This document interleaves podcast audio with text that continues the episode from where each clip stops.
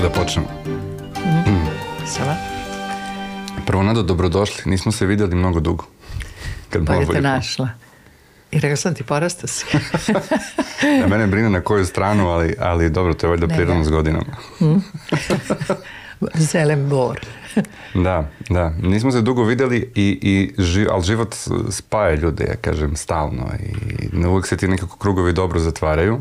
A meni se čini da smo sad ponovo na istom zadatku. Ovo je prva epizoda podcasta koji treba da se bavi našom saradnjom sa planetom s koje smo potekli. Da vidimo malo gde, gde nas ona oplemenjuje, gde mi nju činimo boljom, gde ona čini nas boljom. A i mm, potpuno je bilo prirodno s obzirom na, na sve o čemu ćemo pričati da budete prvi gost. I to mi je baš posebno zadovoljstvo. Hvala. Kako ste? Šta radite? Ove, odlično sam. Neću da kažem godine. Počela sam da krckam 80. A, Mislim, ovi koji gledaju vidjet će da to nema veze s mozgom, ta priča, ali ajde. zdrava hrana, zdrav život. Ništa, bavim se, vratila sam se ovaj, posle na neki način desetogodišnjeg izbivanja iz firme, Biošpajza. Tako da sam u Biošpajzu, 45 zapo- zaposlenih, šest radnji, To bila neka, to je onako baš ozbiljna pauza, to ste rekli da hoću da, da hoću, hoću da se odmorim, ali tako? Ne, ne, 10 godina. Znači, Biošpajs postoji 37 godina. Od 86. I ovaj, kada je, moram priznati, pre jedno, sad već 15 godina, moj sin završio fakultet i tako dalje, to što sam imala u nekom planu i financijskom, ja sam rekla, ok, sada je red da ja vratim. I onda sam se uključila u taj pokret Organska proizvodnja Srbije, da postavimo celu logistiku. U to vreme nije bio ni zakon usklađen, nije postojalo kompetentno, telo, nije bilo sertifikacijnih kuća, nije bila edukacija ovaj, savjetodavaca Srbije. Uspeli smo da uvedemo ovaj, i predmet u poljoprivredne škole, edukacija 200 profesora. Znači da bude taj pokret, onako jedan ozbiljan pokret ka zelenoj Srbiji. Vi znate da obično, u, otprilike mi smo u odnosu na Evropu kao, neki, kao neka periferija pomalo. I na periferijama obično imate ili đubrište ili zelene bašte. Pa sam onda pomislila da bi bilo dobro da mi ovaj, požurimo i da od Srbije napravimo tu čarobnu zelenu baštu u koju neće baciti đubrište. Neće biti đubrište, u smislu neće se baciti đubre i da se napravi cela ta logistika. I završili smo i zakon i podzakonska akta i formirali ovaj, to kompetentno telo pri ministarstvu koje nadgleda sertifikacione kuće. I mada često ljudi se onako kao ma ajde organska i tako dalje, međutim mi smo stvarno napravili jednu ozbiljnu logistiku u kojoj su bili uključeni sjajni ljudi, između ostalog i vi, imali smo pomoć ovaj, i sa strane, tako da smo uspeli ove projekte kao što je edukacija profesora, savjetodavaca, 200 i nešto savjetodavaca iz Srbije, tada se uvek organska računala kao ma to su neki sektaši i tako dalje. Tako da sam imala ovaj anegdotu u ministarstvu, znači tamo sam prvala skoro svaki dan. Molila sam da mi pretplate na topli obrok. Pošto sam... I onda je jedan gospodin me pogledao ovako na nekom, da kažem, ozbiljnom sastanku i pogledao me kao, svašta, otkud vi u tome? Vi tako ozbiljna gospođa s ovakvom temom.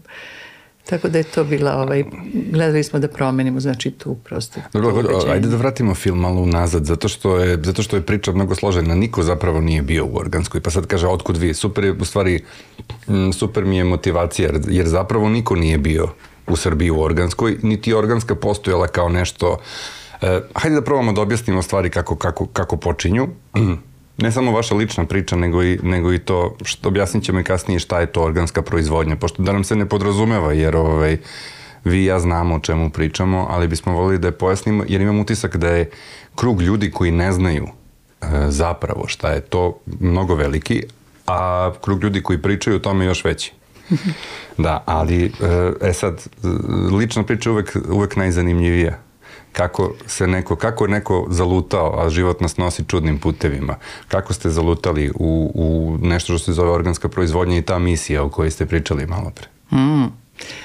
Pa u suštini znači još da, ovaj, ja sam neki moj background je otprilike medicinska škola, a za mene bila jako bitna.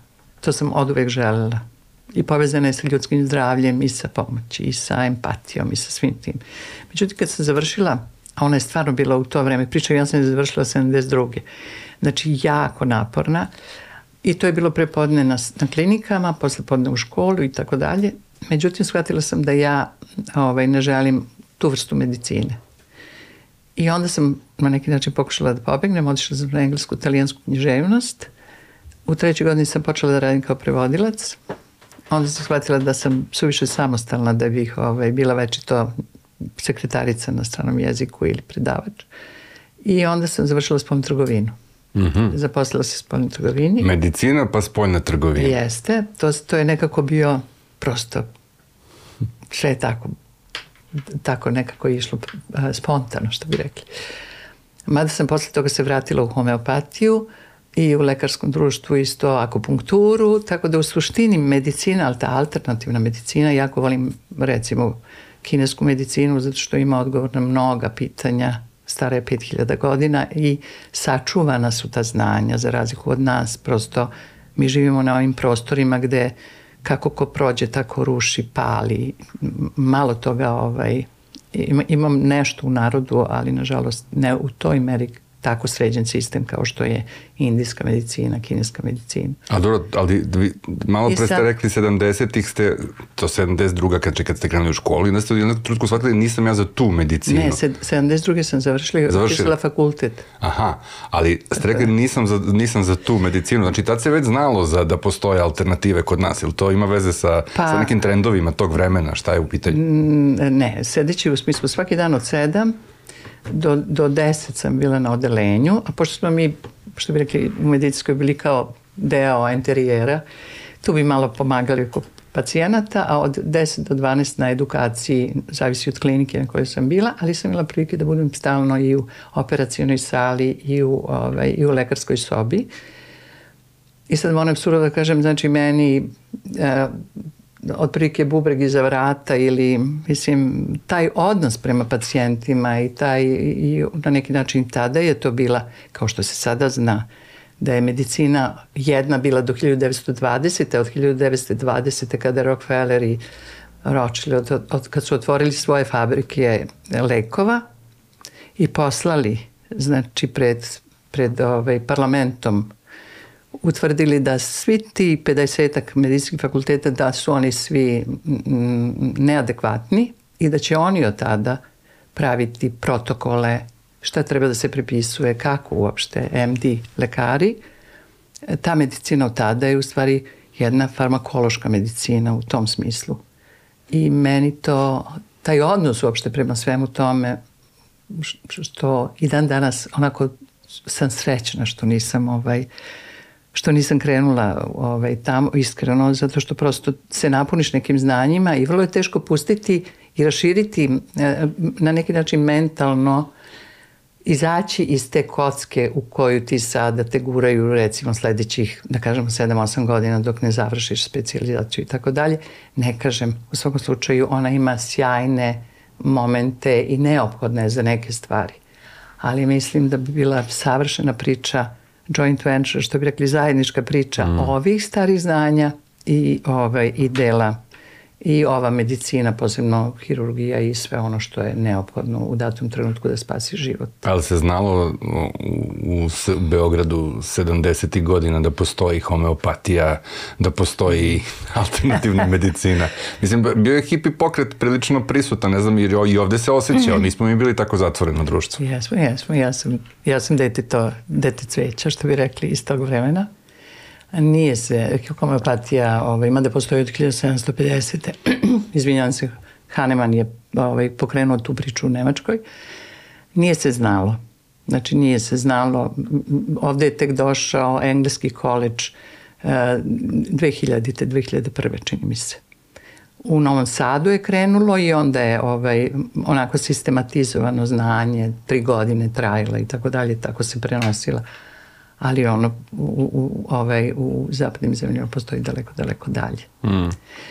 I pošto ja moram reći, ja sam jedna jako znatiželjna osoba i od tuda to, onda sam, ovaj, mi je prirodno bilo da jednostavno ovaj, tamo 84. četvrte, pete, kod drugarice u Bananskom Novom selu napravimo organsku baštu. Nabavila sam neku sjajnu literaturu, knjigu, knjigu ovaj, o tome kako se sve to sad iz Italije onako ilustrovanu čarobnu i onda je tamo krenula eksperiment, jedan eksperiment, znači jednog društvanca koje je krenulo da pravi biobašte. I od te u stvari, od tog kontakta sa zemljom, um, moram reći tada sam napravila jedan iskorak. Moji su stvarno mislili da sam ovaj, već sam ovaj, um, radila sam u univerzalu Univerzal je bila velika firma, da, da. predstavljala je, ne znam, Volvo, Atlas Copco, Kering i tako dalje. Ja sam bila u spoljnoj trgovini i rekla sam, ne, ovo definitivno nije moja životna priča.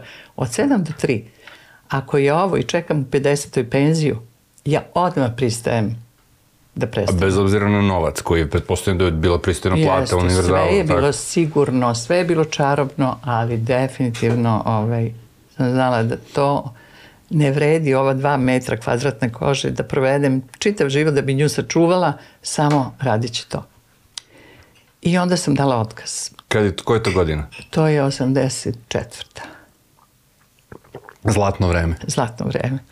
I dajem, ovaj, dajem naravno na opšti užas mojih roditelja i svi, dajem oglas da, da, da ovaj, čistim po kućama.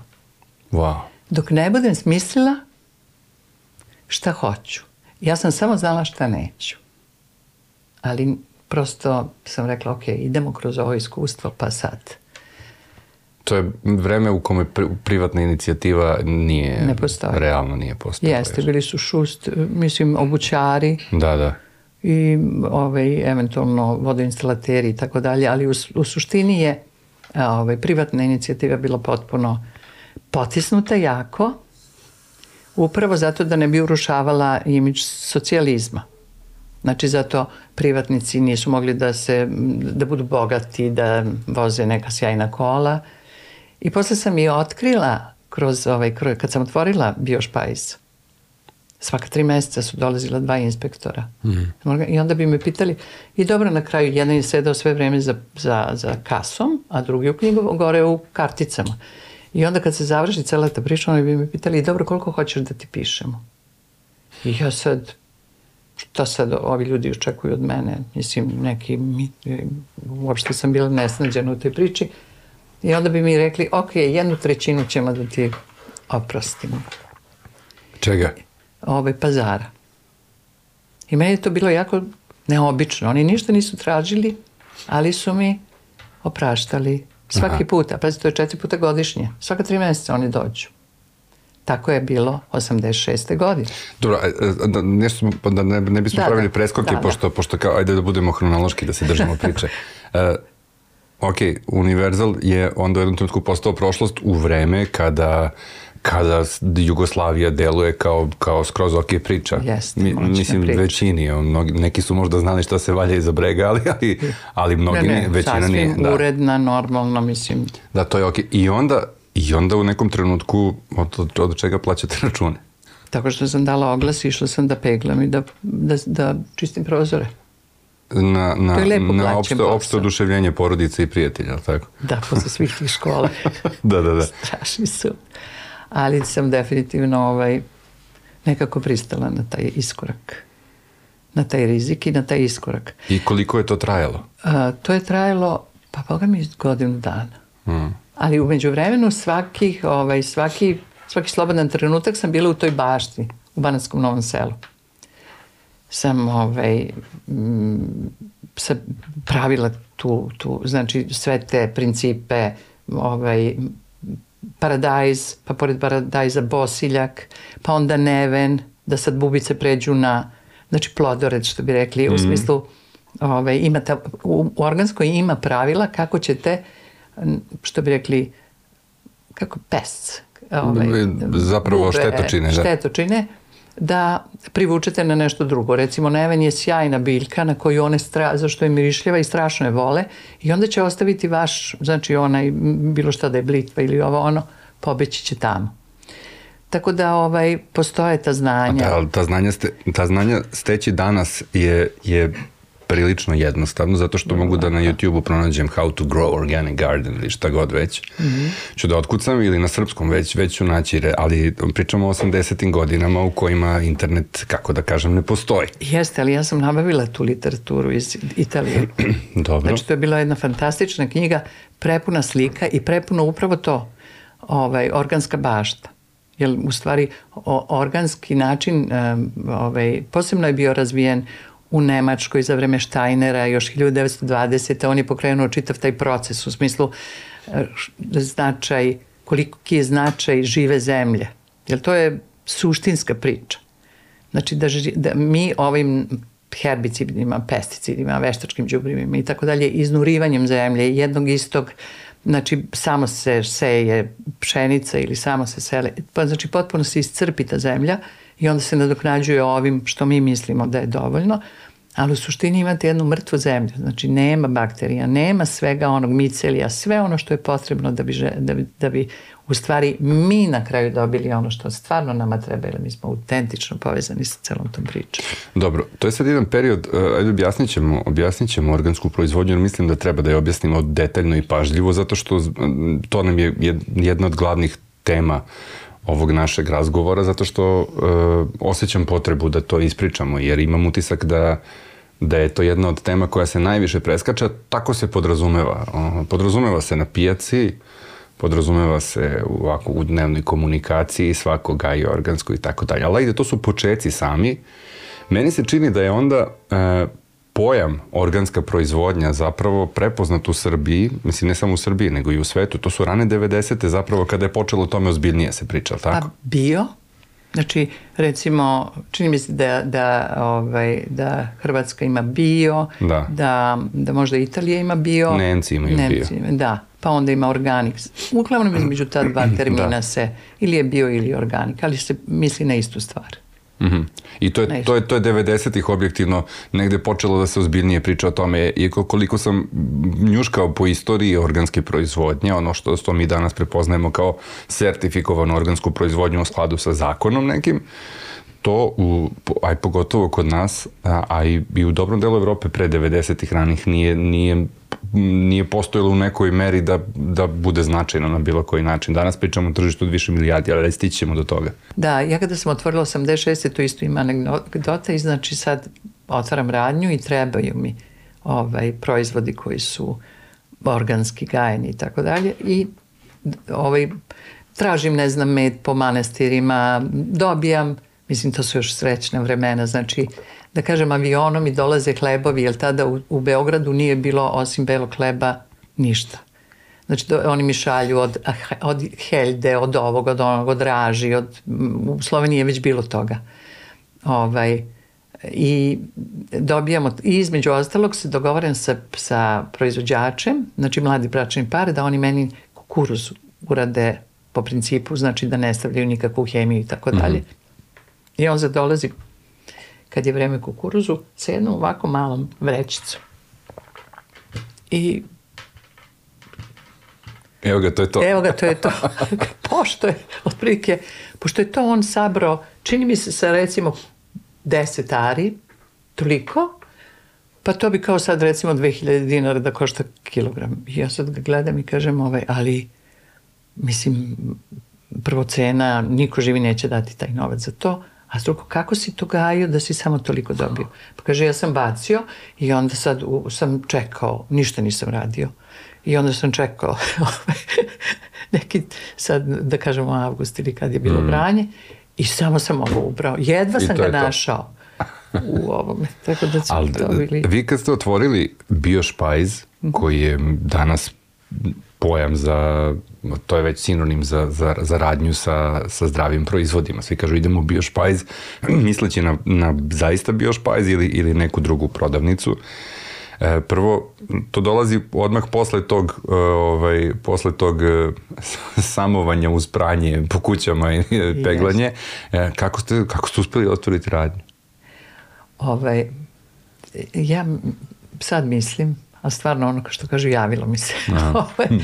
Pošto sam ja tad bila vegetarijanac i, ovaj, i bio mi je problem da nađem ovas, ječam, znači sve to čime sam se hranila I onda sam shvatila da sigurno u Beogradu postoji neka, ovaj, neka, neki ljudi koji, ovaj, koji takođe na taj način isti razmišljaju i imaju problem da nađu te sve namernice. A drugo putovala sam. Mm -hmm. Znači, e, u Engleskoj sam bila, onda sam bila u Italiji i tako dalje i tamo sam sretala te radnje koje su ovaj, i posebno u Nemačkoj ih ima. Znači to su male radnje sa tu i tamo nečim, neka fina muzika i vi se tu fino družite. Ja sam tako zamislila svoj budući posao, znači da ću jednostavno dolaziti u kontakt sa nekim dragim ljudima koji, koji su slični i da će biti neka lepa muzika i da ćemo razmenjivati recepte i mislim ako ima neki zdravstveni problem eventualno da čujemo šta bi ja njih, oni mene i tako dalje i to je bila zamisla. To je kao to ona de, de, dečiji san. Ono. Tako moja čerka zamišlja će drži ovaj salon za pse. Da, da, da, tako, tako isto zvuči kao jedna idila. Da. da, da. Pa dobro, ali to je pokretač, ali to je neophodno. Da. Da bi ti dalo tu količinu energije koja je stvarno potrebna da pokreneš nešto. Zato što naravno ne očekuješ sad ovaj, da ćeš ti stvarno ujutru u šest majstorima ne znam, nije, ne u šest, u pet, u četiri ustajati da idem, pošto sam ja zidala bio špajs u smislu ovaj, ovaj, kako se zove, fosne i sve Gde to. Gde to beše bila prva na Kalinić? Na Kalinić pijaci. Na Kalinić pijaci trebala je da bude posebna, ne da bude metalni ovaj, kontejner kao što je do tada bilo na Kalinić pijaci, nego sam imala prosto taj prostor da ovaj, i onda sam iscrtala to sve zamislila i to je prošlo i kao aha, to će sad biti i dan danas je ona takva kakva je tad napravljena. E, za taj, za taj napor poseban, stvarno jeste, od hiljadu jedne stvari koje u stvari ni ne znaš da ne znaš, treba ti stvarno taj entuzijazam, taj početni, ta ide, idealistička slika koja će te čekati na kraju kad budeš sve to prošao i završio. I, I da ne slušaš mnogo ljude okolo, ali tako? Ne, da, o, pa tamo to je bilo isto tako da moja majka nije tele da dođe godinu dana kao na pijaci.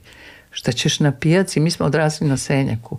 I tamo je bila Senjačka pijaca i ona je zamišljala, tamo su bile ovaj, radnje sa onim kiselim kupusom, one žene koje ovaj, koje imaju ogromne bačve, bačve pune kiselog kupusa, one imaju one bele velike mušeme i nose ovoliko velike ovaj, čizme zato što je to slana voda i kiselina i tako dalje.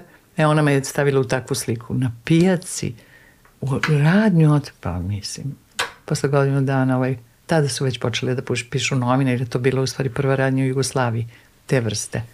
I onda je bilo puno publiciteta i tako dalje. I posle godinu dana kad je videla da sam preživela i da plaćam svoje račune i da, ne, i da nema problema, Ali tu ste negde, negde ste tu vatru od nekoga iz kuće pokupili, to najčešće tako biva, pa ni čovjek ni ne osvesti u stvari od koga je. E, osvestila sam moj otac. Moj otac kad je ovaj, bio je dete, radio u Saveznom supu, desio se Ranković, on je imao 38 godina, penzionisao se i očito nije u stvari bio pravi pripadnik ovaj, savez, ovaj saveznog supa. On se penzionisao i od tada je faktički živao na selu, imao je mm. neke koze i gajio je kikriki, gajio je neku ove, lozu koja nema koštice, onda ih je obavijao oko ove, smokava, pošto je u Crnoj Gori, da, da. Crnogorac je. Tako da sam shvatila vremenom da to ta žica koja koja negde... Ali meni to zvuči kod njega da je bio eskapizam, ovo kod vas zvuči da je bio biznis plan. Je li bio biznis plan zapravo? Ne, nije. To... Mi danas. danas. Ja se stalno zahvaljujem, kažem, mene Bog mora jako da voli. Jer ja mogu sve da uradim, ali da gledam u papire. To mislim, to mi je stvarno ovaj, užasno teško da, da, da tako fokusiram celu priču i onda na osnovu svega što se dešavalo, kažem, mene on stvarno voli. Dobro, ali tajna uspeha u tom trenutku, m, ovako kada, kada slušam imam utisak da je bila to samo što, mislim samo, da je prvenstveno bilo to što ste bili prvi, pa ste bili možda malo i trendsetter. Ja, ako se ne varam, sad kad se setim filmova iz 80-ih, bilo je ovaj, tema koja više džogira, to krenulo je ta priča o fitnessu, mm. o, zdra, o zdravom životu. Pa jeste, ja iskreno ne znam koliko je bila okolo, zato što sam prosto društvo s kojim sam se ja družila bio slično, mislim, bili su slični meni. A to su više ličila na neka deca deca cveća, duhovno buđenje, rad na sebi, u smislu kako postati bolje ljudsko biće i kako ovaj, podržati život, šta god to značilo. Mm. Tako da nisam imala svest o tome koliko u stvari je to, koliko je to u pravom društvu, u smislu u tom vreme, znači pričamo o Beogradu, da, otvorenom, ali još uvek socijalizam, sve je kruto, sve je či, či, je jasno. Dok nisam otvorila radnju, ja nisam mogla da uđem u radnju. Znači to što sam ja zamišljala fina muzika i dvoje, troje, ja jednostavno ovaj, apsolutno nisam mogla da, da dospem. To, to su bile, stvarno, to su bile mase ljudi. A ko su bili ti ljudi? Danas znamo, danas su, danas ovi što kupuju zdravo su ovi koji imaju novac. Ko su bili tada ovi što kupuju zdravo?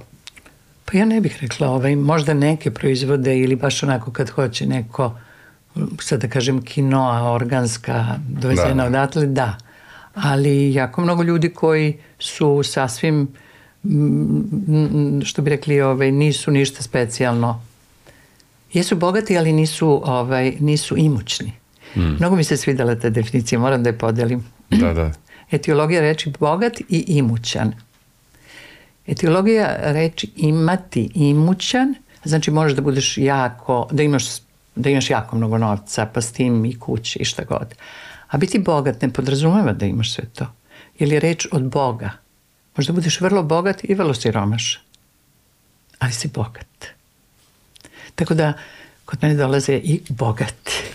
Pravi bogati. Jel ste tada znali da da je to što prodajete, da li se to zapravo zvalo organska hrana, je to taj, taj pojam postojao? Ne, tada nije to, prvo nije bilo ničim izregulisano, znači bilo je kao i danas često, organsko je majke mi.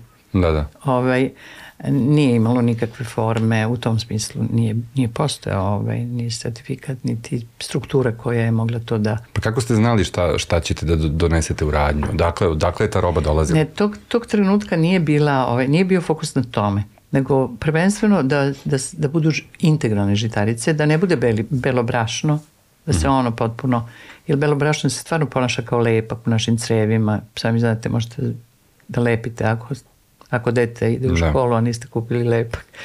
Ovaj, znači da ne bude belo brašno, da ne bude šećer beli, znači da bude bilo šta od zasleđivača, to se podrazumevalo, bilo da je sok od jabuka, bilo da su, sad, sad su urme moderne, znači suvo grožđe koje se miksa, a da pomenem, to je vreme isto, 86. Veliki pokret makrobiotike.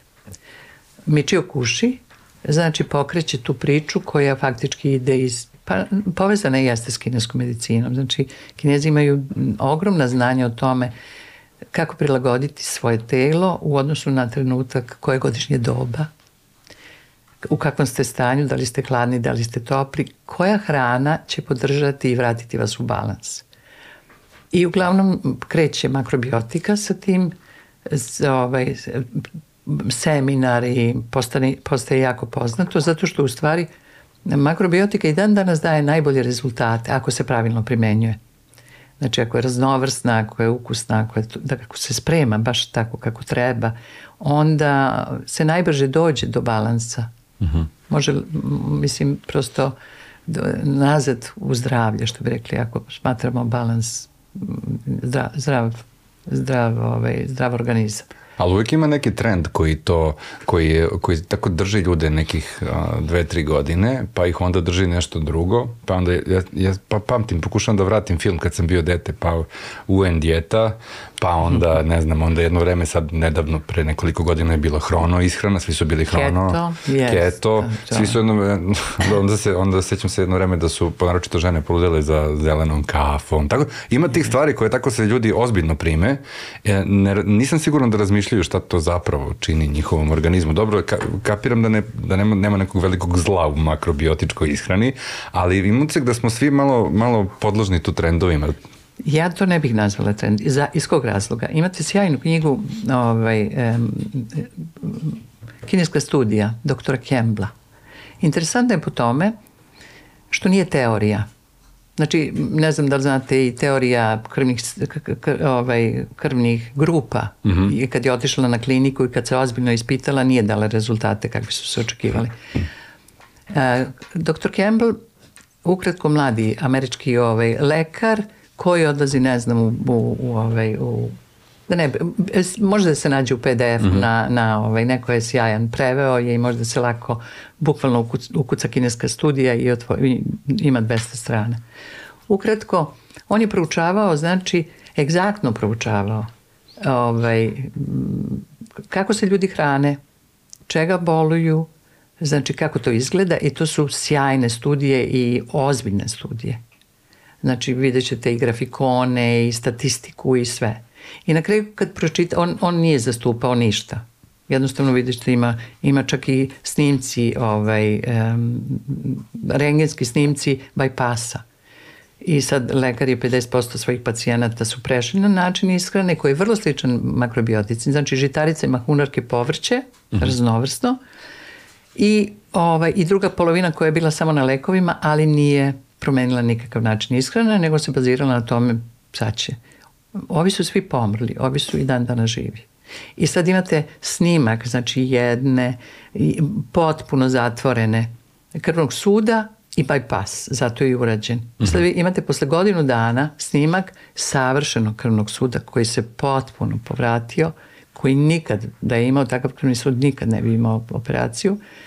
Tako da, kad pročitate celu priču i podvučete crtu, u stvari to najviše liči na I ljudi koji su, ne znam, žive preko 100 godina, te grupacije koje, ovaj... Bila je sad ona, ne znam, ste zakačili emisiju na Netflixu ovaj, o plavim zonama. E, da. da, e. ovaj čovjek što je istraživao šta je to što spaja, što spaja sve te dugovečne ljude u tim tačkama ovaj, u svetu i bilo je vrlo interesantno, pominjali su mahunarke, pominjali su blizinu mora do duše i po čašu vina, to zvuči dosta ovako privlačno, ali za nas koji nemamo more mahunarke, ali kažu i stil života generalno druženje sa ljudima. Uh, ishrana je jedan deo priče koje ćemo se dotaći u priči o organskoj proizvodnji, i o, jer to negde, negde to light motiv ovog našeg razgovora. Ali ima druga tema koja se javila nešto kasnije u svetu, ne, opet ne, ne kažem kao trend, nego kao očigledno realna potreba, jer je neko se seo i, i sračuno stvari, i pozabavio se malo matematikom i shvatio da smo u ozbiljnom problemu kada je reč o održivosti svega što proizvodimo. I onda je neko na temu poljoprivrede počeo zbiljnije da razmišlja o tome. I tad je već počelo da se kodifikuje nešto što, što danas zovemo organskom proizvodnjom. To već pričamo sad o 90. godinama i o tome kada je to već nastalo. Kada, kada ste vi m, rešili da napravite, da skupite ljude? Kada su zapravo počeli da se javljaju ti organski proizvođači, kao ja sam organski sad proizvođač i znam šta je to? Kad, se, kad je to počelo da se dešava u Srbiji?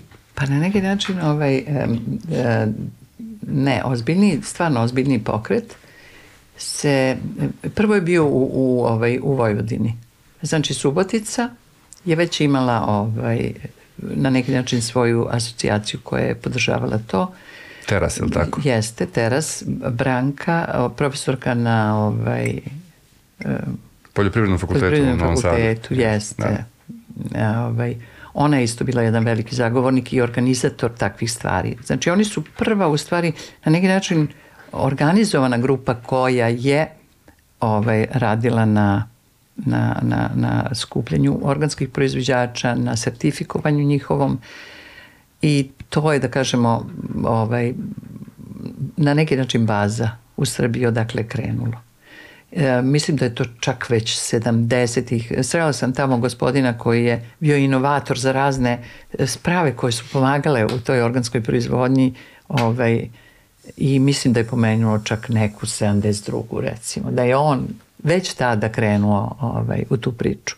Zato što, kažem, postoji ta tradicija nemačka, mm -hmm. 1920. Znači, po Steineru i, i velika priča i jasna priča, znači koja, koju ako imaš literaturu možeš mirno da pratiš i, i u koji deo, do, deo do, doba dana treba da seješ i kada da tačno seješ, kada je mesec takav i takav. I kod nas postoje ta znanja, u smislu kod naših seljaka, kad, kada se šta radi.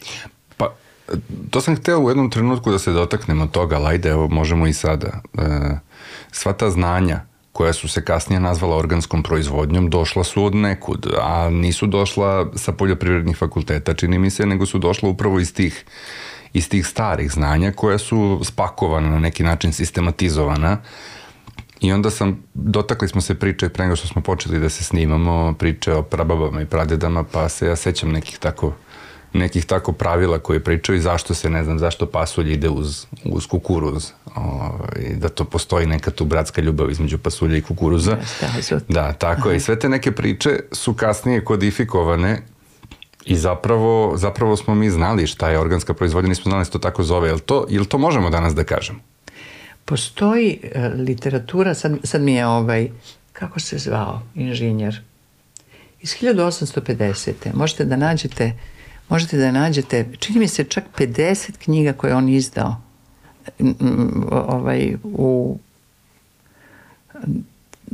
da li je u Vojvodini, uh mhm. -huh. nisam sigurna, ali kad računate, znači, kad znate da u suštini intenzivna priča da kažemo prisustva pesticida, herbicida i svega ostalog je posle drugog svetskog rata. Što, mislim, ja ne znam tu te, samo postoji kao teorija otprilike sve te fabrike što su proizvodile boljne otrove, one su postojale takve hemijska ta postrojenja i onda su polako prešle u ovu priču.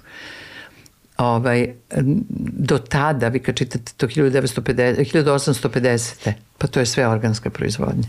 Da. Tada je eventualno plavi kamen, ali sve ostalo je ovaj, um, naraz se pre... Žao mi je.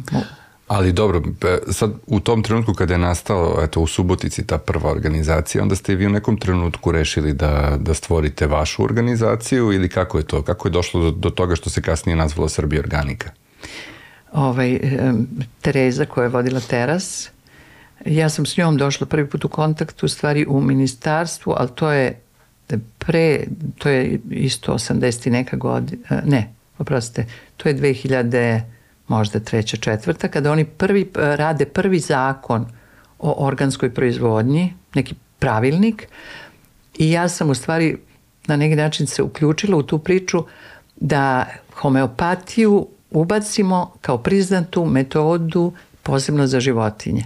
Znači da homeopatija bude priznata metoda ako primenite homeopatiju, homeopatske preparate, da to podrazumeva organsku proizvodnju, tako da sam ja tada došla prvi put u kontakt sa njima. I nakon toga u stvari moram reći da je ovaj, Saša, tada je bio ministar Saša Dragin. I on je čovek jako, ovaj, faktički preko nekih prijatelja isto, smo... A to je neka 2005. 6. Da. Tako nešto, ako se ne varam. Da, deveta. Deveta. Deveta. Ovaj, je pozvao, u stvari on je pozvao ovaj, određene ljude da se skupimo i da o, da, da napravimo stvarno organsku proizvodnju kakva treba, da usaglasimo zakone, da uradimo to i u Privrednoj komori Srbije smo se konstituisali. Znači, tu je bilo preko 200 ljudi i znači izabrani upravni odbor od 11 članova. Između ostalog bio je tada i Vasa Lekić u toj priči i tako dalje, imaćete ga kao gosta. I znači, i onda smo dobili taj prostor u smislu da ovaj, vidimo sve što treba. Profesorka ovaj, Anka Vraneš, ja i profesorka Lazić smo otišli za Austriju. Austrija je bila interesantna zato što je pre ulaska u Evropsku uniju ona uspela e, 18% svojih ovaj, svoje, svoje površine da uvede u organsku proizvodnju za četiri godine. I meni je to bilo, ovaj, znači nisu imali tada novac Evropske unije, što je bilo bitno, nismo ga ni mi imali, ali meni je bilo strašno interesantno da otkrijem koji je sistem, jer vi morate da imate sistem, bez obzira na pare, možete da imate milijarde, ako nemate sistem, vi nemate kome da date, šta da date, kako to uopšte da pokrenete. I onda smo bili ovaj, neki 7 dana gosti tamo, ministarstva u Austriji. I ovaj, moram reći, moj fokus je bio samo kako su oni to uradili. Znači imali su asocijaciju, to je bile, imali su četiri stuba, jedan stub je bio asocijacija, drugi stub je bila ovaj, institut za seme, znači koji je backupovao celu tu priču, Ovaj, treći je bio uh, ministarstvo sa svojim i četvrti je bio marketinški. U stvari su povezali velike sisteme i marketing. Tako da su oni izdavali knjižice zašto organski krompir, u čemu je razlika i tako dalje. I odmah napravili ugovore sa velikim sistemima da otkupljuju. Mm -hmm. Ove, I mleko i mlečno, oni su jako poznati po mleku, mlečnom proizvodu. Tako da je to bi, išlo bukvalno jako brzo. Mogli su da se usaglase ovaj, e, i, i nisu, znači, e, uvedeni ovaj, uvedeni e, organski proizvođači su se automatski mogli ponašati i kao auditori, u smislu neko ko kontroliše drugog organskog proizvođača. Tako da samim tim nisu morali da imaju inspektora, ne znam, neograničeni broj, je stvarno bio impozantan broj. Dobro, a drugo, oni da bi nasledili zemlju, ne znam da li znate u Austriji, on mora da završi minimum ovaj, poljoprivrednu školu, bez obzira da li je doktor, zubar. Da bi nasledio zemlju. Jeste. On ne može bez tog sertifikata. Tako da, i ne može da bude, čini mi se, ispod 5 hektara. Znači, šta god se delilo, braće, sestre, leva, desno, ili će oni pripisati nekome, bra, mm. ali on mora da završi tu, tu srednju poljoprivrednu da bi mogo da nasledi. Da znaš šta da, će s tim posle. Tačno. Tako da ta, ovaj, taj milje u smislu je daleko edukovani, da kažem, ovaj, i, i, i lakše razume o čemu se radi. Ali dobro, znači mi smo malo prepisivali u tom trenutku te primere. Znači, to je bila da, poenta i tog prvog jest. zakonodavstva. I ok, ajde sad da dođemo do, do, do onoga što je, što je stvarno jako važno, da, pa ćemo to ponoviti verovatno par puta. Po tom prvom uh, zakonu, a verovatno i, i kasnije sada Jeste. definicija prepisivala, da. šta je organska proizvodnja? Ajmo mi da, da, da, da onako jednostavno objasnimo. Jednostavno. To je način proizvodnje uh, u kojima ovaj, koristite sve um, ja sam sve, ovaj, sve um, procese koji ne podrazumevaju, znači zabranjena je ovaj, veštački, veštačko đubrivo, pesticidi, herbicidi koji na bilo koji način ugrožavaju u suštini život. Cela poenta organske proizvodnje je korišćenje plodoreda i svih tehnoloških sistema koji će omogućiti da biljka raste, da nema potrebe da, ovaj, da koristite da kažemo grubo hemiju, mada i ovde ima hemija, ali koja nije u tom smislu ne ugrožava život. E pa to je važno, znači organsko ne znači neprskano i netretirano. Tačno. Znači samo tačno određene, znači da li će to biti esencijalna ulja, da li će to biti razne, razne stvari koje neće da ukratko da kažemo, suština jeste da, da, da život u zemlji, same zemlje, da, ži, da zemlja oživi. Znači da zemlja ima tu količinu bakterija, tu količinu života u sebi koja će onda da reprodukuju jednu zdravu, moćnu biljku. Što znači da biodiverzitet moći... ostane očuvan, Jeste. Tako? A šta je, da, to je naj, jedan od najvažnijih stvari i zato isto kada se znači, radi organska proizvodnja na njivi, uvek se ostavlja ta recimo 3 metra što bi rekli bio znači svega što prirodno raste, svih mogućih korova, po tome se isto može prepoznati šta kada, kada inspektor dođe na njivu, to mora da nađe tragove toga. Mm. Ne može da bude čista, nema ničega. Znači, da se održi to i da se primenjuje plodored. Plodored znači ono što su naši seljaci primenjivali nekada – Znači, ako je, ne znam, veća njiva, on će jednu trećinu da ostavi da se odmara pod detelinom, da bi dobila azot i tako dalje. Ako je ove godine ovde bio krompir, sledeće godine će ovde biti, znači, a na tom mestu će biti možda kukuruz, tako da se stalno vrti, znači, vrte usevi. A što smo to u jednom trenutku prestali da radimo? Što smo prestali da se bavimo, da se bavimo poljoprivredom na način koji je bio, koji je bio prirodan i normalan?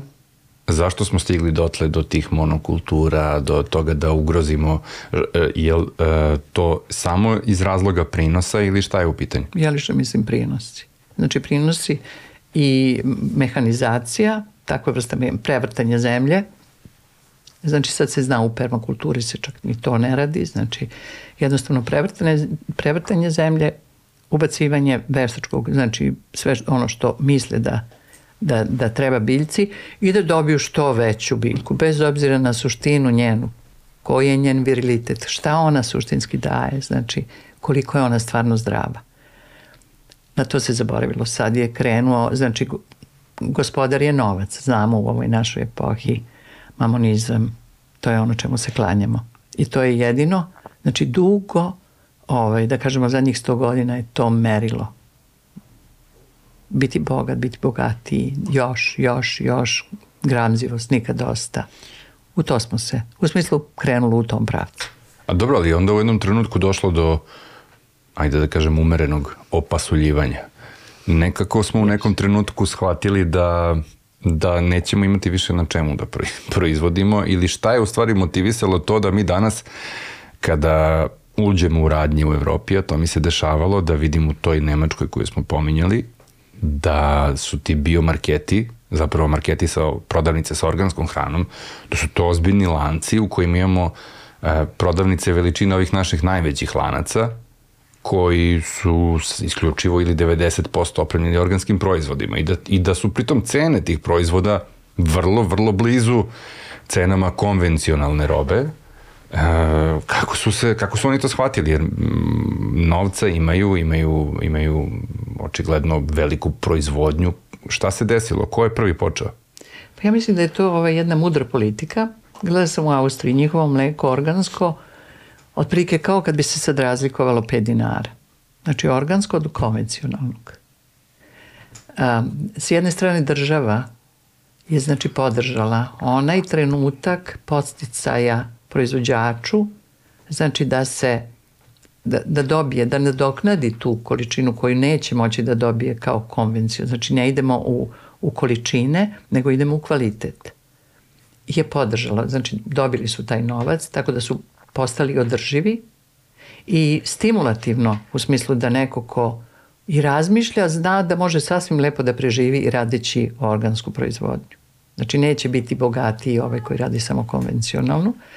Mislim da je to suštinski politika, mm. znači o, svest ljudi koji su, koji su odlučivali u ministarstvima, da je to bio jedan veliki pokretač i moram reći i ta svest, e, potražnja. Onda samim tim ovaj, marketing, rekla sam vam da, da u Austriji bilo baš ozbiljno odelenje koje je izdavalo čitave knjižice sa receptima zašto mm. organski krompir, zašto organsko mleko, šta je benefit toga, zašto je ovaj, prednost i tako dalje. I onda je počela da raste tražnja i vi sad uvek imate tu tražnju i ponudu. Samim tim čim je tražnja veća, da, da. samim tim stimuliše proizvodnju.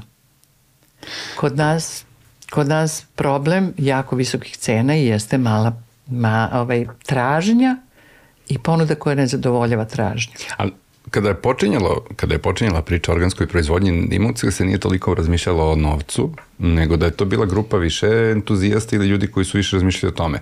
Sad taj biznis plan u organskoj proizvodnji nešto što je, evo ja to slušam već godinama, to kako ćemo se obogatiti kao organski proizvođači, pa su mnogi to, pa da, kao mnogi su, mnogi su iz tih razloga ušli u tu priču da bi postali, da bi, post, da bi prodali za mnogo veću cenu ono što inače se prodaje za, ne znam, neku drugu. I, ali u početku su bili ljudi koji, kojima je motivacija bila nešto drugo. E, ali vama je bilo jasno da to može da bude biznis plan. Vi ste već u tom trenutku već ozbiljno dugo imali biošpajz i, i siguran sam uh, znali kako se tržište kreće. E sad, gde je tu sad, do, tu, nekom trenutku je došlo do susreta sa, tim, sa tom idejom, e čekaj pa je bi ovo mogo da, mogao bih ovo da unovčimo zbiljnije nego, nego klasičnu poljoprivredu.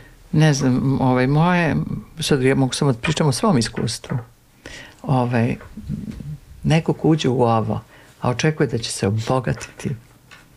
Bojim se da, ovaj, da, da to nije priča.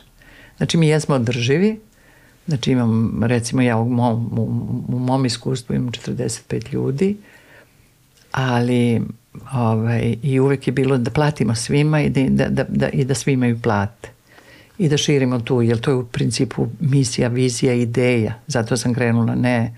Mislim da kao trgovina, pa ništa lakše da napravite pare. Nabavite šećer koji se, koji se jel da u tonama koristi, nabavite belo brašno, nabavite pivo, nabavite i tako dalje, podignete za 5% i prodajete. i vrtite kamione, avione, možete da, ovaj, imamo i slučajeve, mislim, prosto baviti se trgovinom nije nikakva, dovoljno je da imate dovoljno mudrosti da platite sve svoje ovaj, obaveze i onda polako dobijate kredibilitet i onda jednostavno je samo šta ćete gde da prodate i da plasirate, jer to, to je roba koja, koju 90, da kažemo 8% ljudi koristi i prodaje se u ogromnim količinama. Ovo je bila u suštini misija i održivost. I videli ste i te male radnje koje se otvaraju. To su sve priče iz ljubavi.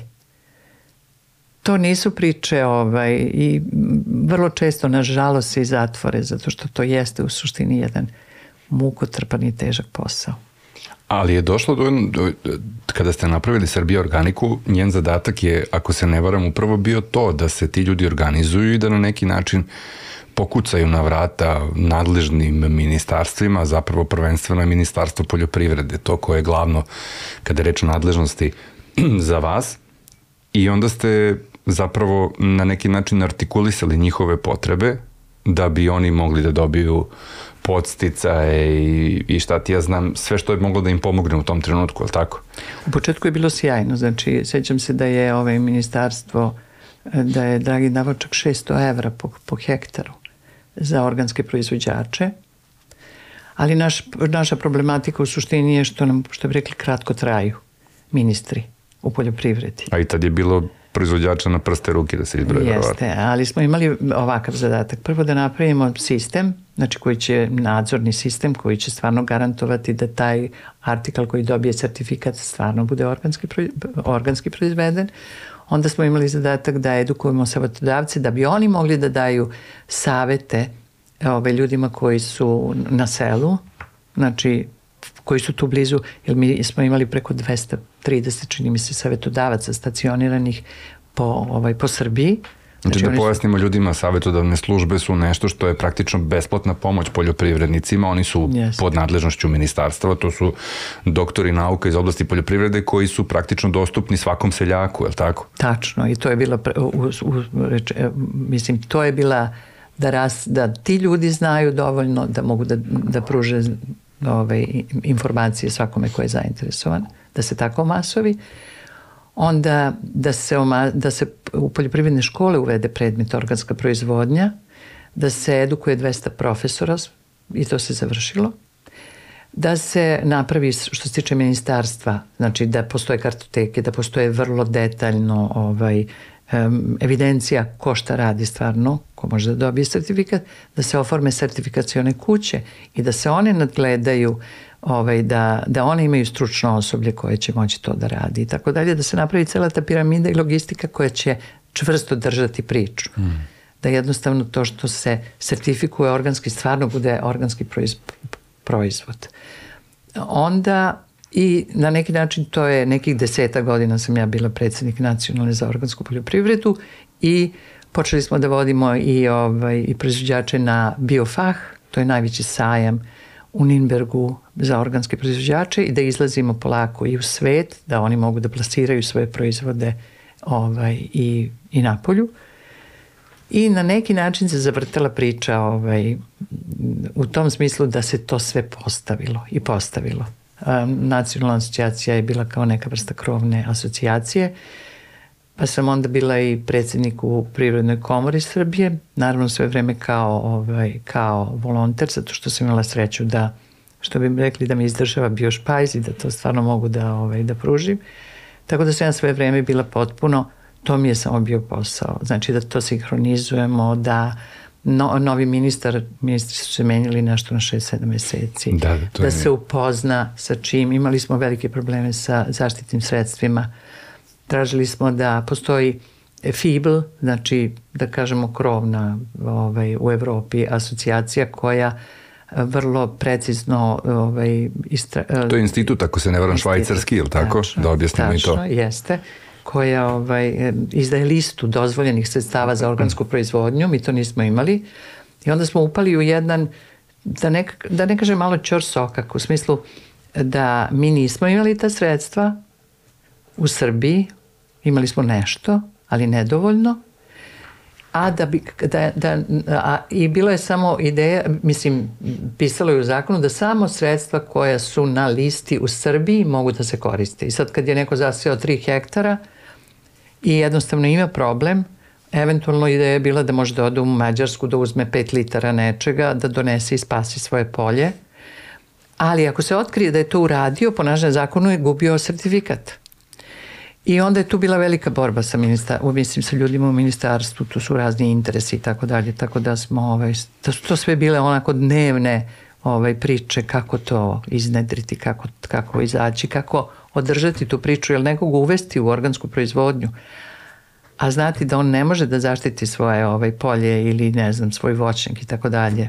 Ovaj, I da treba da laže onda to više nije organska proizvodnja. E da, tu ima, mnogi stvari, tu ima mnogo stvari koje, koje ljudima isto nisu, nisu poznate. Da bi neko postao organski proizvođač, pričamo prvenstveno primarni poljoprivredni proizvođač, koji on preduslove, ja sam, evo, kupio sam parče zemlje sada, na primer, i želim da budem organski proizvođač. Ja sam čuo šta je to i, i čuo sam šta je dozvoljeno od preparata i ne znam nija šta.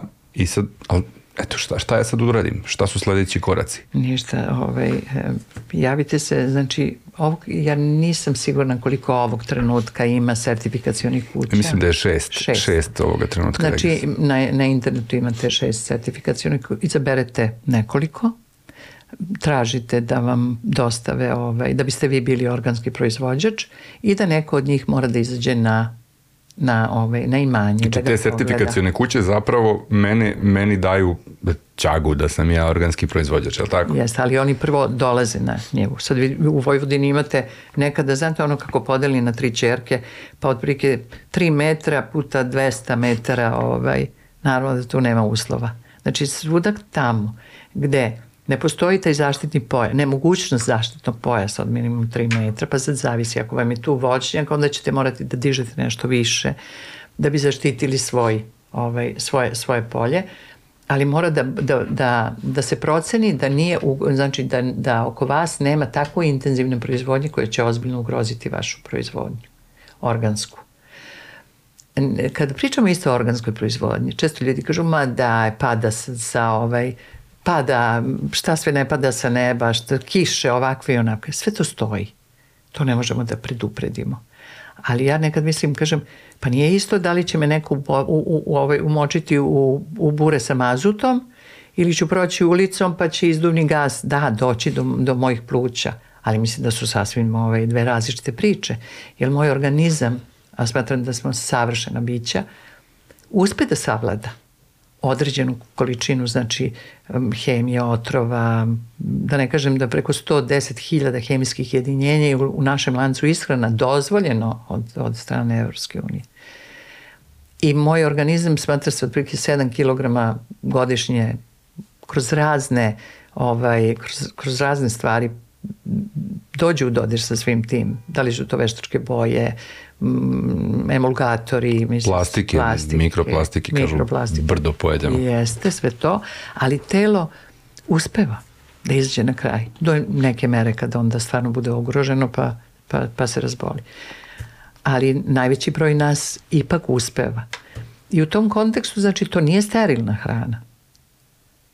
Samo u svakom slučaju nije, što bi rekli, umočena u, u ovaj... Da. U, u, Ali dobro, vazut. znači, da se opet vratimo na ovog Aha, početnika, jest. da, on je, sad, da. on je sad kupio tu zemlju, možda je na toj zemlji prethodno rađeno nešto što nije jest. rađeno u, u, na organski način. Jeste, kada inspektor izađe i pogleda i kaže da, imate uslova da, znači, na ovoj, na ovoj zemlji da gajite, šta je bilo pre toga?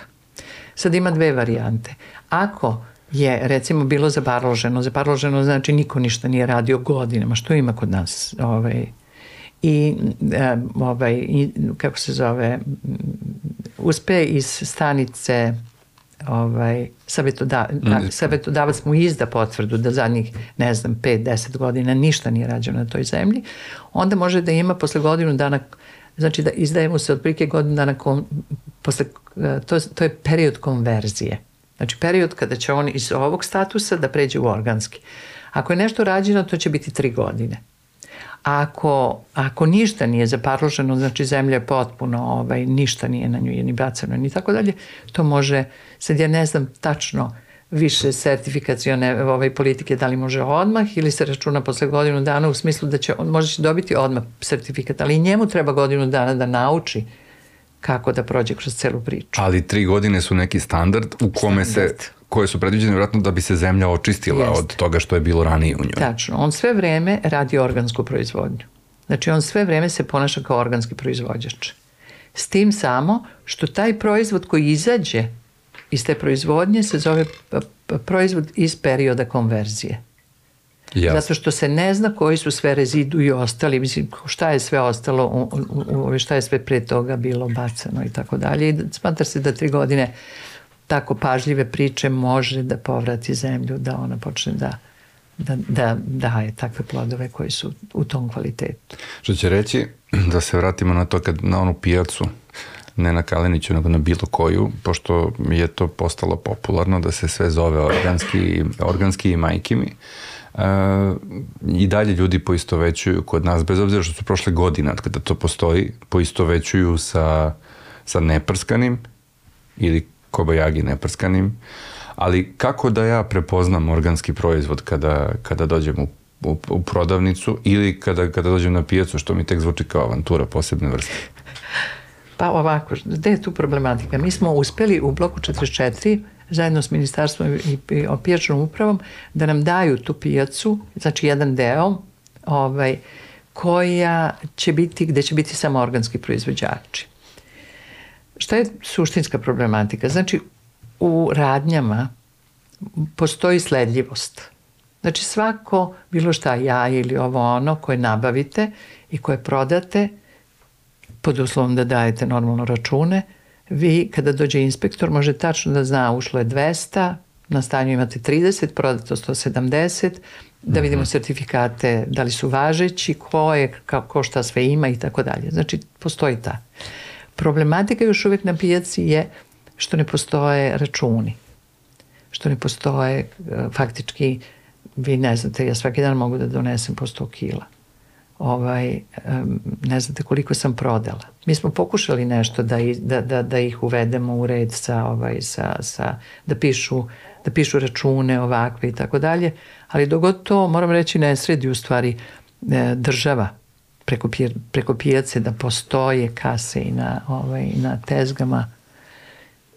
Pa krenulo je nešto, nešto, nešto sam, nešto je bilo, bilo nekih inicijativa da se uvedu, čak su neki poljoprivrednici uzimali ove terminale za, za kartice, što mi je simpatično jer mi, jer postoji prilično onako još uvek i u mnogim ozbiljnijim lokalima postoji borba protiv tih aparata kao ne, ne, ne, primamo samo keš, onda mi se desi da odem negde u inostranstvo, bio sam primjer u Velikoj Britaniji i onda u Londonu jako teško platiti bilo šta kešom, ne, prosto ne, neće, od onih što prodaju kafu na ulici iz automobila, oni imaju svi one male terminale i tu se sve zna šta se dešava. Pa, u suštini, znači kad dođete na pijaca, vi nemate para, ali imate karticu, onda se on potrudi da u svakom slučaju dobi svoj novac. Pa, pa bilo da. preko terminala i tako dalje. Ali sad da budemo surovi, vi znate čitave radnje ovaj, na pijacama, ali ono ozbiljne radnje da, da. sa svim mogućim čokolad, mislim sa svim kafama, viskijima i tako dalje. I, ovaj, I oni nemaju nikakav, nikakvu, nikakvu evidenciju u stvari. Nema poreza, nema ničega. Da, to je posebna Srećna tema. Srećna zemlja. to je posebna tema, ali e, da se vratimo mi ovoj našoj. Posle te priče o zdravom, o zdravom za nas, došla je priča zdravo za planetu, jer smo shvatili da je planeta u, u ozbiljno, na putu da bude ozbiljno, ozbiljnoj krizi. I već jeste. Danas sam pročitao vest na BBC-u o, o, o kralju Charlesu koji se obraća 28-orici na nekom skupu međunarodnom i govori o, on je zapravo taj koji je ambasador očuvanja planete i tako dalje. I to je, to je sad priča koja, koja je ušla u ozbiljnu politiku proteklih decenija i na ozbiljnom strateškom nivou. Jedna od tih strateških priča koje se ja sećam je priča ovaj, koja danas zvuči kao da su je braća Grimm pisala. To je da ćemo u Evropi, ne znam, do 2030. godine biti ne znam koliko procenata, ali nešto neverovatno procenata organski i da će, da će, to, da, da će prosto procenat proizvodnje organski biti, ne znam, 30-50% na, kao evropski prosek.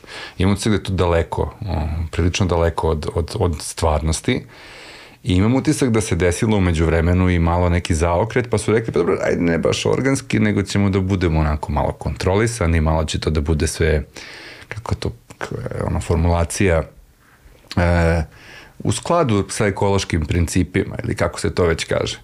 E, gde je sad, gde je tu Evropa zaista stigla? Dokle je stigla? Pošto mi uvek gledamo na tu stranu kada kada pričamo o progresu, gledamo na tu stranu kao zapadne Evrope. Tu volimo da se, da se pronađemo, jer je tamo, jer je, jer se tamo, jer je tamo sve stiglo brže i, i kvalitetnije, jer stigla je organska na taj nivo. Pa znam za Austriju da je ona gurala vrlo ozbiljno, znači da ima, sigurno je prestigla 20% da. znači svojih površina pod organskom proizvodnjom. Ovaj, I da, da, da će to, znači ako je podržano politički, u nekom obliku to će se svakako gurati. Mislim, znajući kako to sad sve funkcioniše.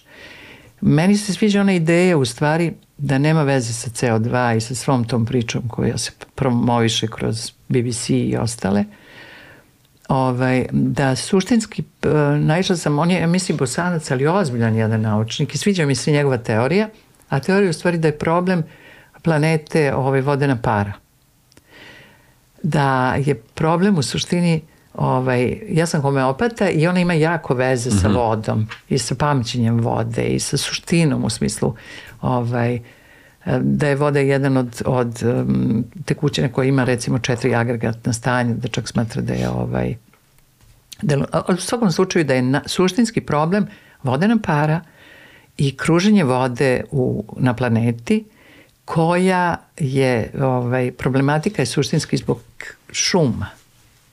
Znači šuma, treset, kada padne kiša, šume su uvek, što bi rekli, nekoliko stepeni hladnije, treset koji jako mnogo upija vodu, spušta je nisko do, do E stene sad ovde imaju jako važan, važan, važno, ovaj, važnu ulogu, a to je u stvari računajte kao kristali.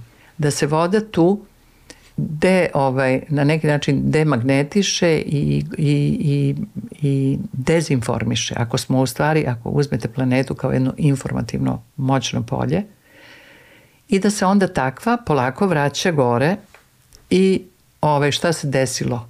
Pošto nema šuma i pošto se strašno mnogo krče, voda koja padne na, na livade i tako dalje, livade su već tople, mnogo su toplije nego, nego unutar šume, one se vrlo brzo vraćaju, tako, da, vraćaju se gore i da u suštini to kruženje je poremećeno, znači vode i vodene pare, i imamo skupljenje vodene pare, imamo sad o, razne druge efekte i da je to suštinski problematika, a ne 0,0 nešto, 0,005 ugljenog dioksida koji nam je i potreban, a da. i potreban u smislu svakom drvetu, svakoj biljci, jer mi smo u simbiozi s njima. Upravo taj odnos kiselnika i ugljen dioksida.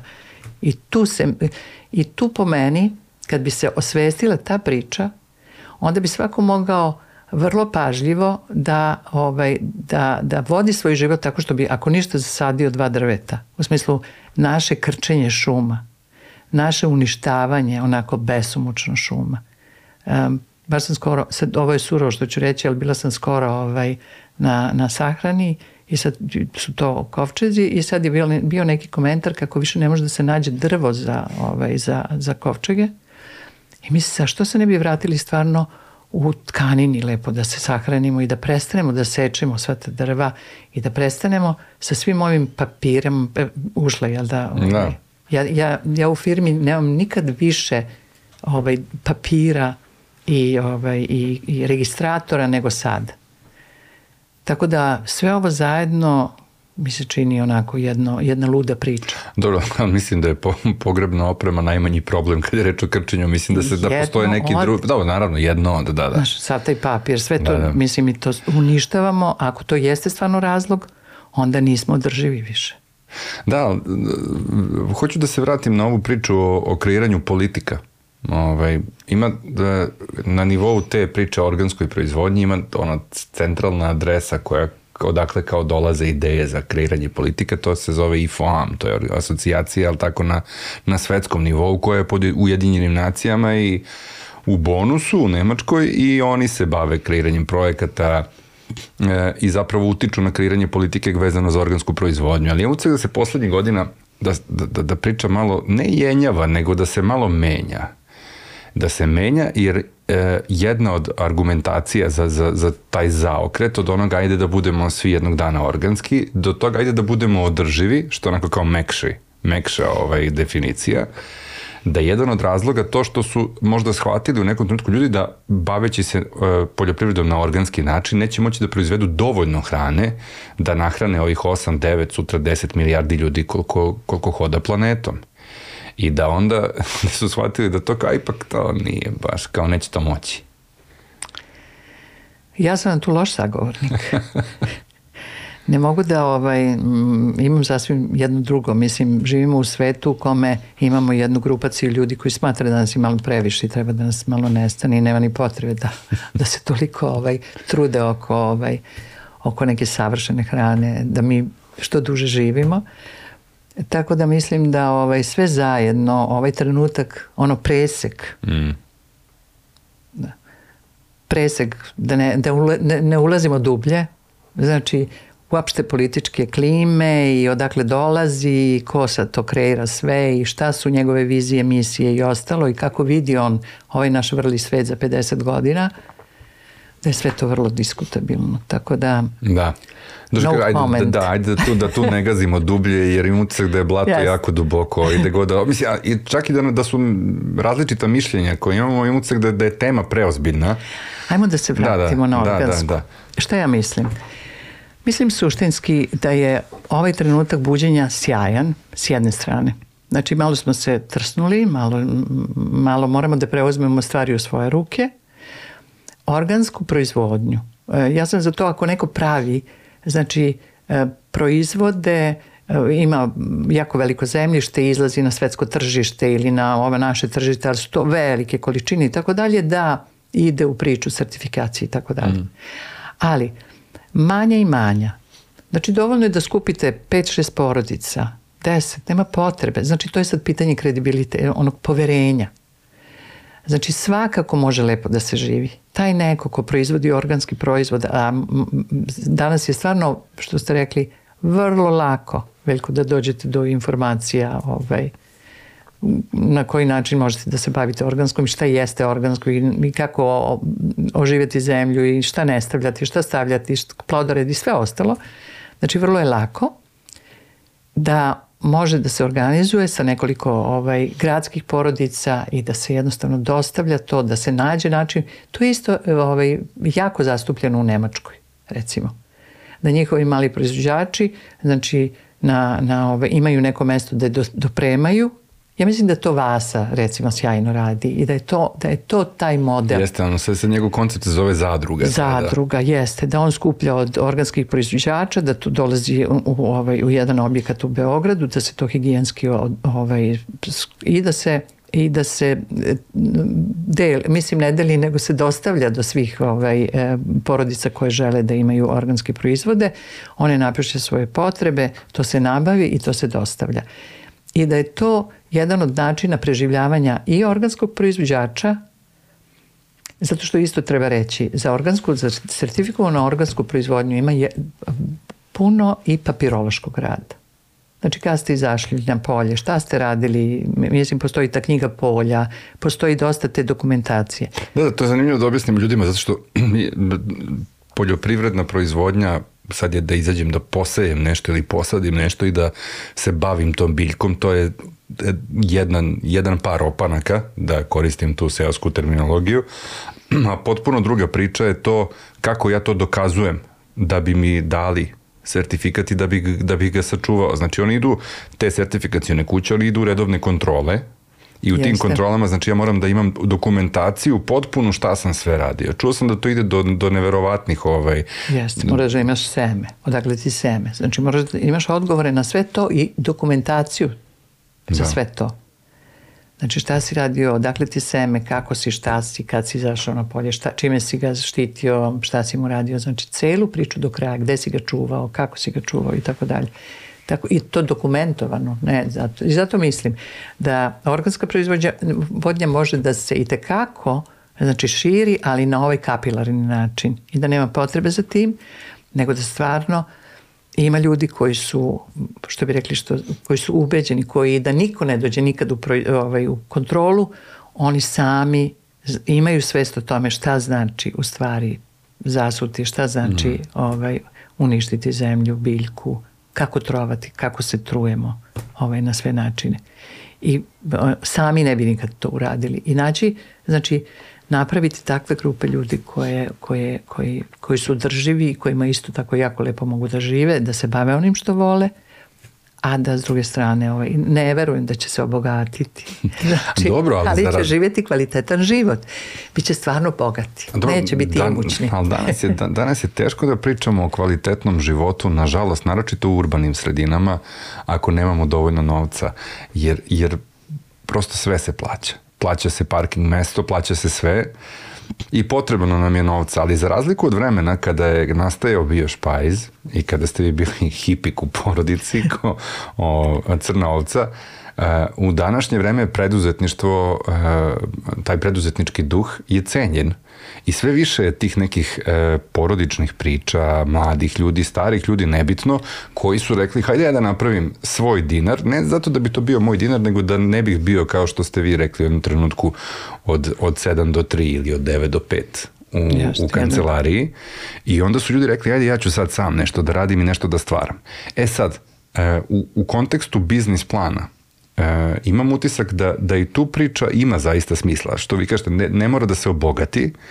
Mi smo stalno sam slušao te priče o ljudima koji su htjeli da uđu i u organsku proizvodnju ili generalnu poljoprivrednu proizvodnju, pa se to sad pravi neke računice i odmah priča kako ja to da izvezem, gde ja to mogu da izvezem.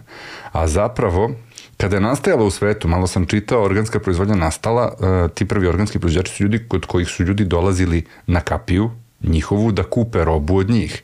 I to je jedna mala lokalna priča.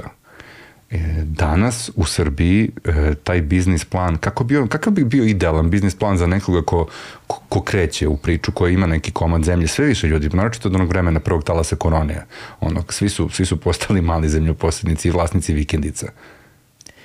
Ma, iskreno ja stvarno mislim da je to drživa i sjajna priča. Znači, pričamo sad o dve stvari. Jedna je to imućan, biti imućan i biti bogat. Ja smatram da je, da je bogat svako ko živi kvalitetan život. A šta znači kvalitetan život? Mislim, ako po meni kvalitetan život, ako imam, da, prvo radim ono što volim, radim ga ovaj, sa, kada ga radim, ja sam prosto obogaćujem se time, znači u prirodi sam ovaj, imam slobodno vreme, što je mm. najvažnije. Dovoljno slobodnog vremena da, da, da, da radim kako želim, da to radim s ljubavlju. Dokolica. Da kreativna sam ovaj, dokolica. kreativna dokolica, da prosto ovaj, da osjećam život u sebi. Da osjećam znači taj naboj, tu, tu strast. I tada po meni si bogat čovjek. I onda u, u tom kontekstu novca da imaš dovoljno za život ali ne u tom smislu da si imućan i da ne znam nije šta. U, to, u tom smislu organska proizvodnja po meni čak i traži da se, ovaj, da se preispita, da se, da se radi na sebi. Pa dobro, ali dolazimo do onog momenta zaista kad treba od nečega platiti račune I, da, I kad treba postavim to na papir i kažem, ok, ja sad imam 10-20 ari nečega, svi pitaju uvek šta ja da gajam. To je sam, to sad toliko široka priča šta sve može čovjek da radi, to sad sve zavisi naravno od zemljišta, od terena, od njegovih, kao što kažete, želja, šta bi on voleo da radi. A s druge strane imate neki biznis plan, pa sad da li je to seoski turizam, da li je to, znači, su to stvari koje imaju realnu perspektivu?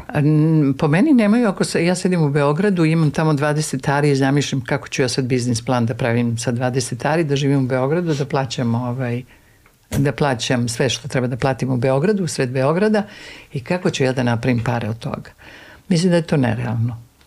Mislim da samo onaj ko živi stvarno na zemlji, da može da počne i imamo gomilu primora ljudi koji su otišli iz Beograda i žive jedan daleko kvalitetniji život nego ovde. Ogromna je sreća što sada imate na neki način internet Znači, dostupna su vam sve moguća znanja, informacije. Ne morate nigde da se pomerite, ne morate da izađete iz ove sobe i da da prisustvujete najlepšem koncertu, ne znam, u, u Milanskoj skali ili ne znam gde šta. Znači, to je jeste velika sreća. Znanja su strašno dostupna.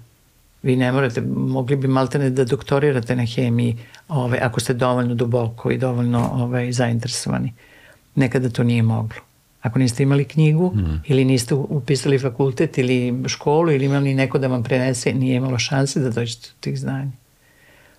Znači u moje vreme. Ili, ili biblioteka ili fakultet. Niste mogli čak ni da crtate, niste znali što treba da mešate. Danas. Ovaj, stvarno je, to je ogromna prednost, tako da taj odlazak na selu sada sasvim drugačije izgleda. I po meni, u tom smislu kada se vi sami već na svom, na svom imanju i sami već počinjete da se bavite zemljom, vrlo brzo će doći do vas informacije. Šta je mudro tu?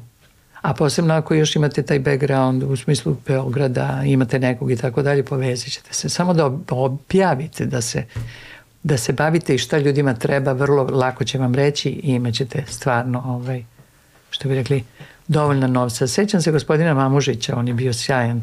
On je bio od tih, još uvek je, jel, proizvođač, koji je, ovaj, koji, kojima niko nije trebao da dođe, on i porodica su prosto ti ljudi, što bi rekli, ovaj, ja ih i nekad zovem Štajnerovci, u smislu to ubeđenje, imaju svesto i znanja o tome šta znači stvarno zdrav proizvod. Mm -hmm. I on je uvijek govorio, mi, pa svaki proizvod koji košta 50 dinara u to vreme, znači sad pričamo pre 10 godina, ali neka košta 100 dinara, kaže, sasvim je dovoljno za život. Sasvim dovoljno da skupite za, za, za plaćanje svih računa i za život. I znam ljude koji su krenuli sa malo zemlje i koji su ozbiljni proizvođači sada.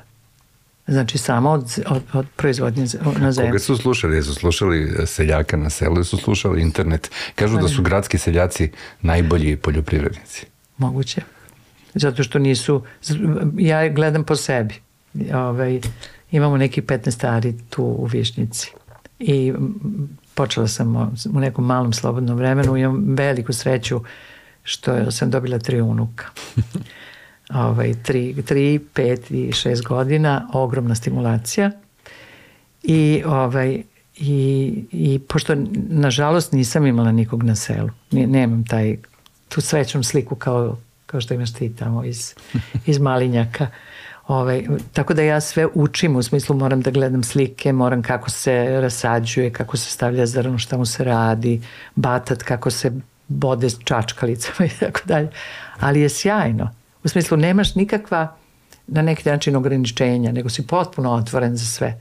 I mislim da je zato ovaj, zato možeš drugačije da razmišljaš i mislim da i zato ovaj, kao organski proizvođač može da budeš možda i uspešniji nego neko ko je već zadojen sa punom, prvo mora se očisti od raznih stvari pa tek onda da, da se otvori za, za nešto novo.